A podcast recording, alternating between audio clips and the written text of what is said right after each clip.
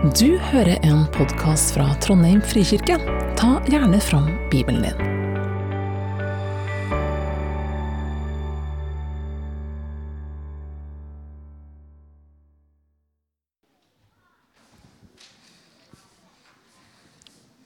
Hei, alle sammen.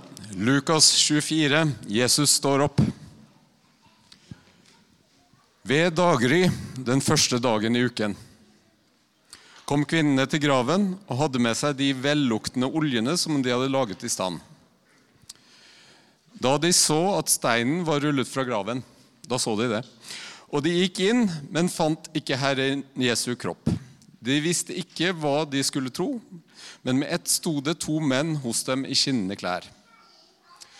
Kvinnene ble forferdet og bøyde seg ned med ansiktet mot jorden.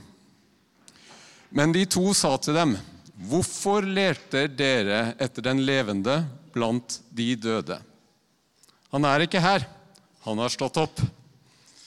Husk hva han sa til dere mens han ennå var i Galilea. Menneskesønnen skal overgis i syndige menneskers hender og korsfestes. Og den tredje dagen skal han stå opp. Da husket de hans ord, og de vendte tilbake igjen fra graven og fortalte alt dette til de elleve og til alle de andre.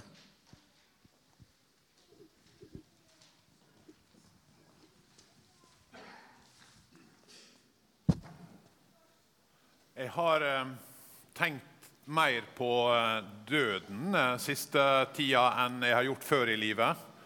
Kanskje tenker dere at det er ikke så rart. Når du begynner å få alderspensjon fra Nav, så dukker vel slike tanker opp, tenker du? Ja, det gjør det jo, men det har litt med også at venner rundt deg, kollegaer, andre, dør. Og det er noe nytt. Folk på min egen alder Senest nå en god venn, kollega, som jeg hadde i Nord-Norge, som uh, jeg var sammen med i Israel i begynnelsen av mars. Vi hadde noen flotte dager. og Det var liksom lenge siden vi hadde sett hverandre. og Det var så kjekt å være sammen. Og så er det ei uke etter jeg kommer hjem igjen, så er han død. Og sånn møter livet og døden oss stadig vekk.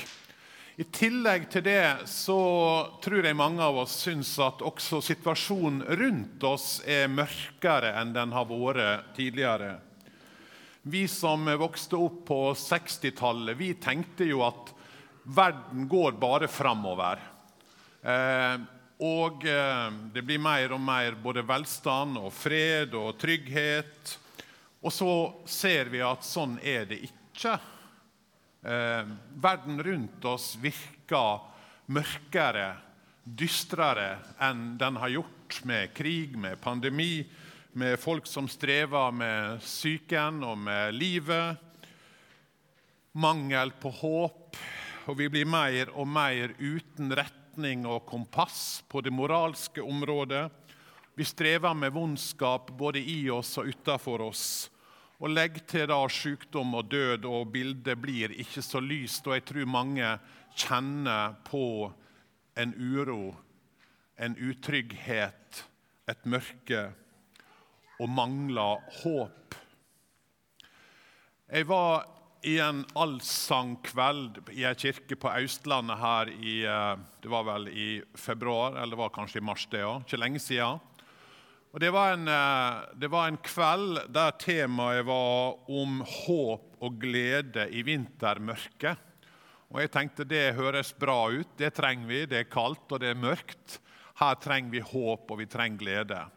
Og Det var flotte musikere, skikkelig gode, og et flott kor. Og i det hele tatt et veldig OK opplegg. Men det som ble sunget, det var ikke Det var én Negro Spiritual og resten var sanger som var mye lys og mye varme. Og selv om man er trønder, så, så syns vi den, den, er, ja, den er jo litt platt, egentlig. Uh, du skal få en dag i morgen, så seiler vi på Mjøsa. Og så gikk jeg liksom hjem fra den kvelden og tenkte trenger ikke vi noe mer? Trenger ikke vi noe mer hvis det skal være håp i vintermørket? Min sjel, tenkte jeg, trenger noe mer. trenger noe djupere feste enn dette her. Vi kan jo synge med Alf Prøysen ikke sant? 'Du skal få en dag i morgen', men plutselig så får ikke du en dag i morgen. Du våkner, og morgendagen er lik den gårsdagen som var tung, og som var mørk. Monty Python, Noen av dere liker jo Monty Python. De hadde jo en parodi på dette her ikke sant, for noen år siden, der de sang liksom uh, If life seems jolly rotten, there is something you have forgotten, and that's to laugh and smile and dance and sing. Det er jo Monty Python sin måte å parodiere dette her på. Og Vi kan dra på smilebåndet. Vi kan dra på smilebåndet av Rolf Wesenlund, som hadde ei bok som heter tittelen 'Livet er ikke bare en lek, det er også en dans på roser'. Men hvis dette er alt du har å møte døden og mørket og motgangen med, hva har du da? Hvis dette er alt Kirka kan tilby, mye lys og mye varme, er det nok? Hvem kan da gi hjelp? Og det her påskebudskapet er så fantastisk. Det er så annerledes.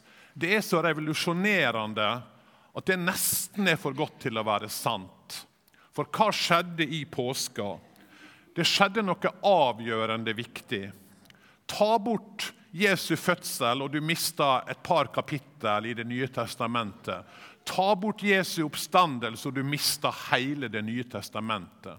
Du mister hele fundamentet for hva vi tror på, og hva håpet vårt er.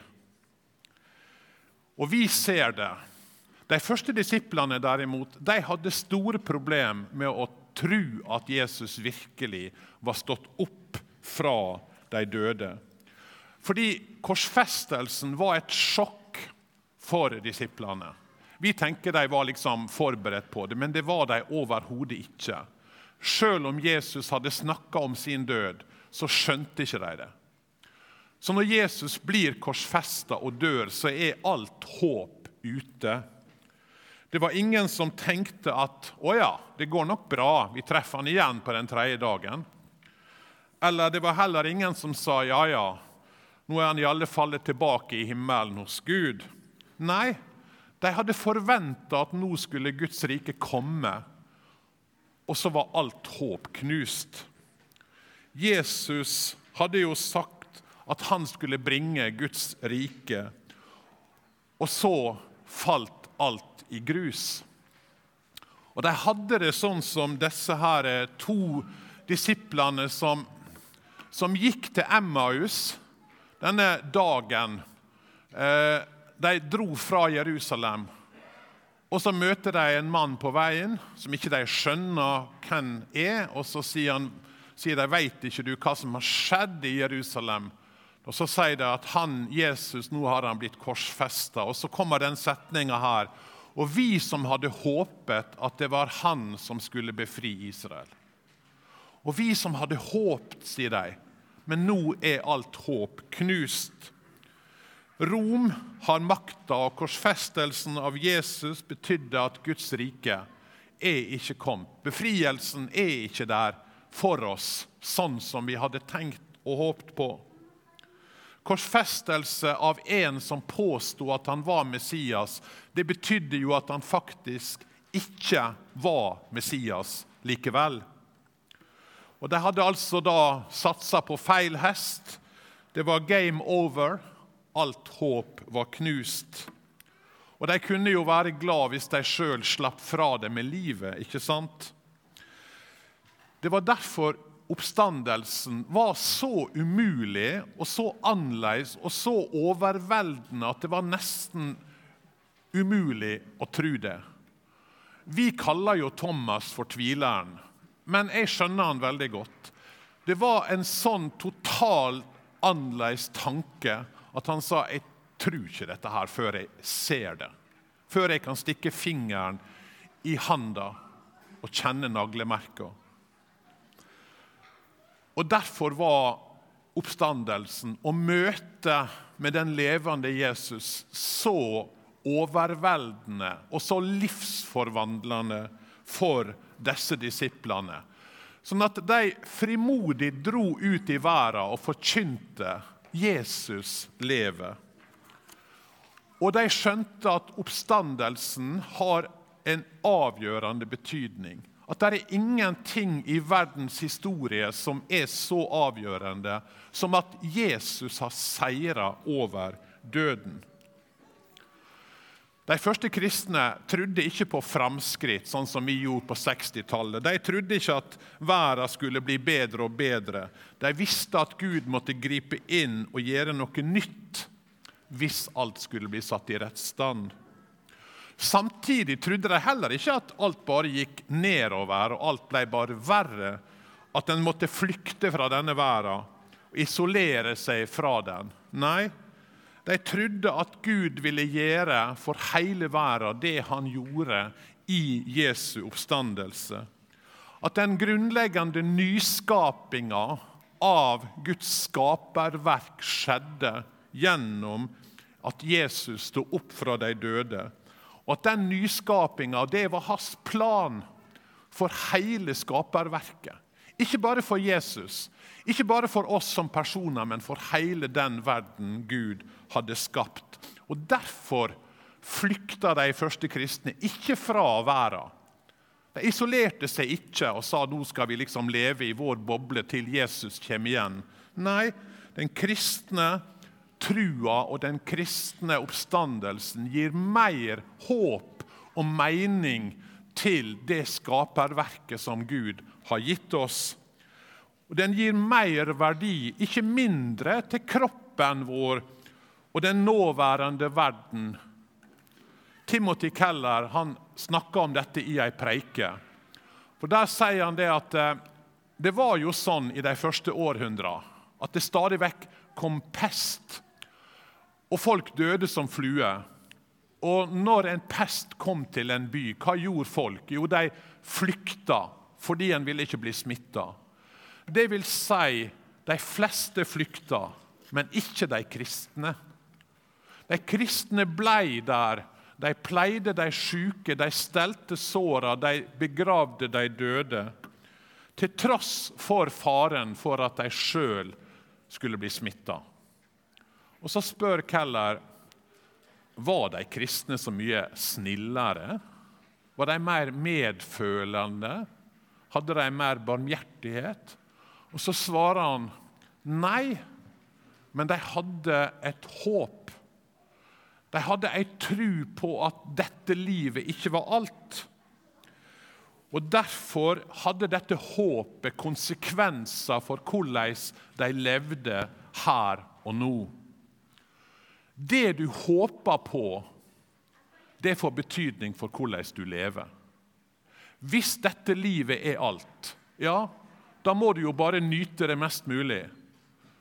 Ta til deg av alt som er, for det er jo et kort liv. Hvis dette livet ikke er alt, så blir livet her et helt annet. Du får et helt annet perspektiv på penger, på de drømmene du mister, på sykdom, på din egen død.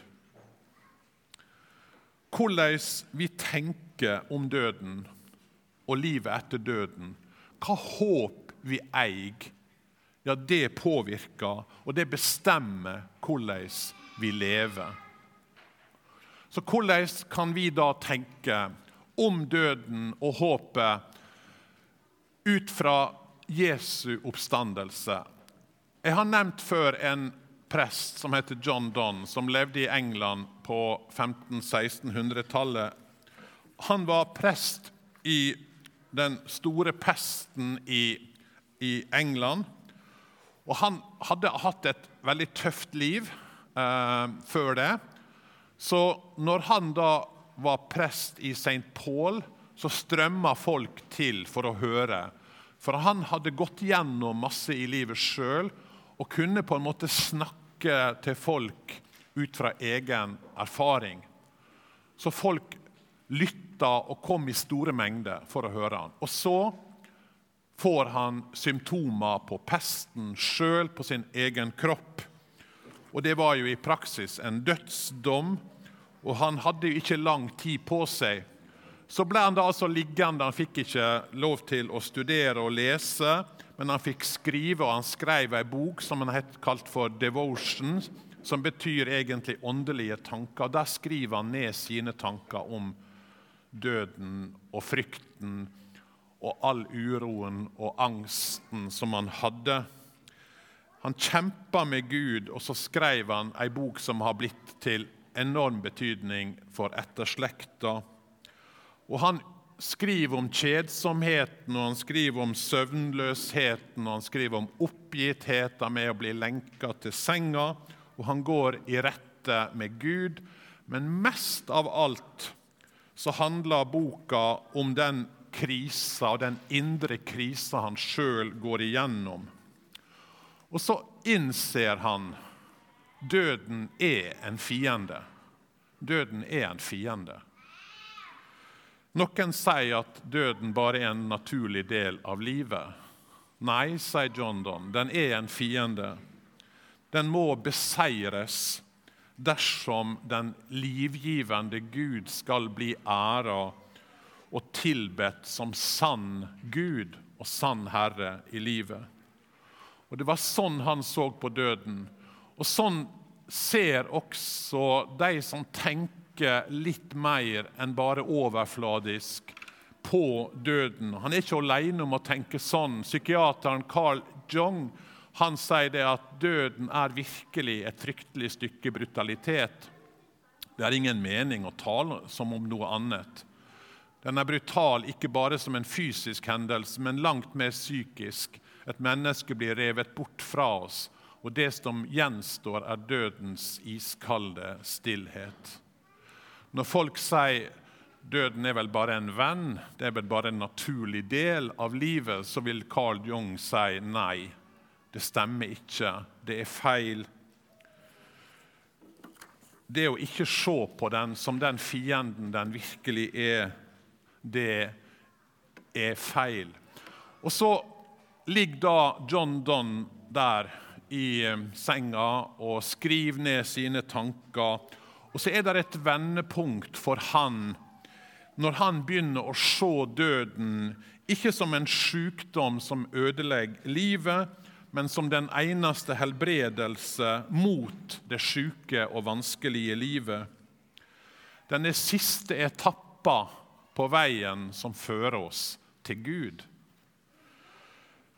Det vonde, det infiserer hele livet. Det infiserer hele vår verden. Alt det skapte, sukker, sier Bibelen, etter forløsning. Og Det er den verden vi kjenner vi lever i. En verden som sukker og som stønner fordi den er underlagt vondskap og død og forgjengelighet. Og bare gjennom døden, bare gjennom Kristi død og oppstandelse, kan vi oppnå et fullkomment liv, et helbreda liv. Og så sier John Don dette her, da. Den stemmen som sier at 'nå skal jeg dø', er ikke stemmen til en dommer som taler fordømmelse, men stemmen til en lege som kommer med helbredelse. Døden, sier John Donne, er en fiende, men det er en beseira fiende. For først skal vi sove. Ei kort eller ei lang stund, så er det ei evig oppvåkning, og døden skal ikke være mer. Døden skal vi ikke omtolke eller ta som noe naturlig. Nei, vi skal se på den som en beseira fiende på grunn av Jesu oppstandelse.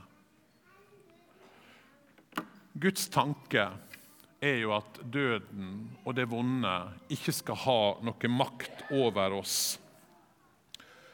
Og Når vi begynner å se vår egen død i det perspektivet.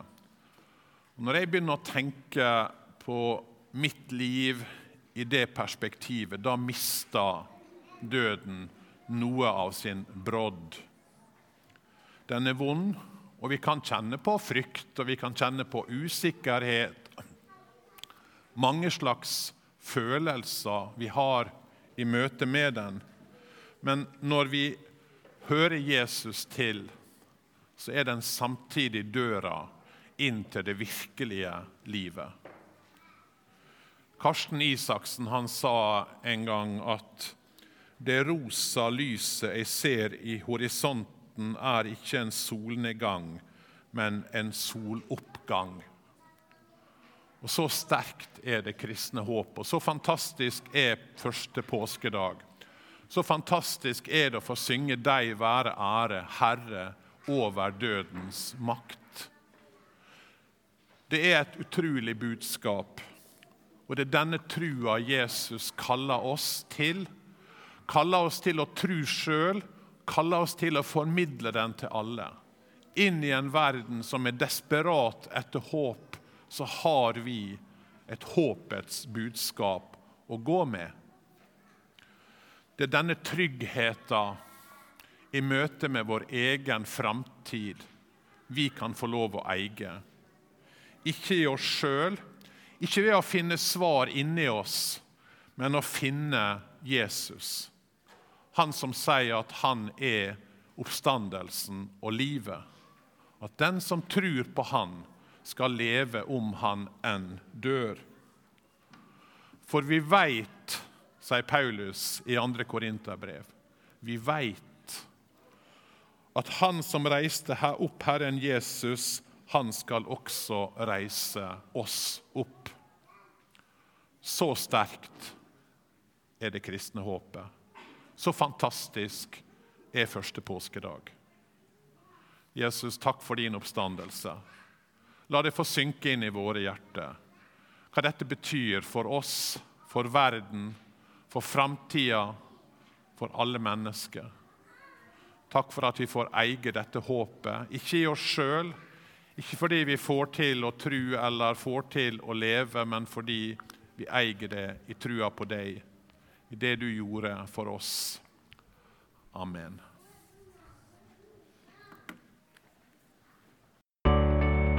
For at du hørte på. Velkommen til gudstjeneste søndager klokka 11. Mer informasjon finner du på trondheim.frikirke.no.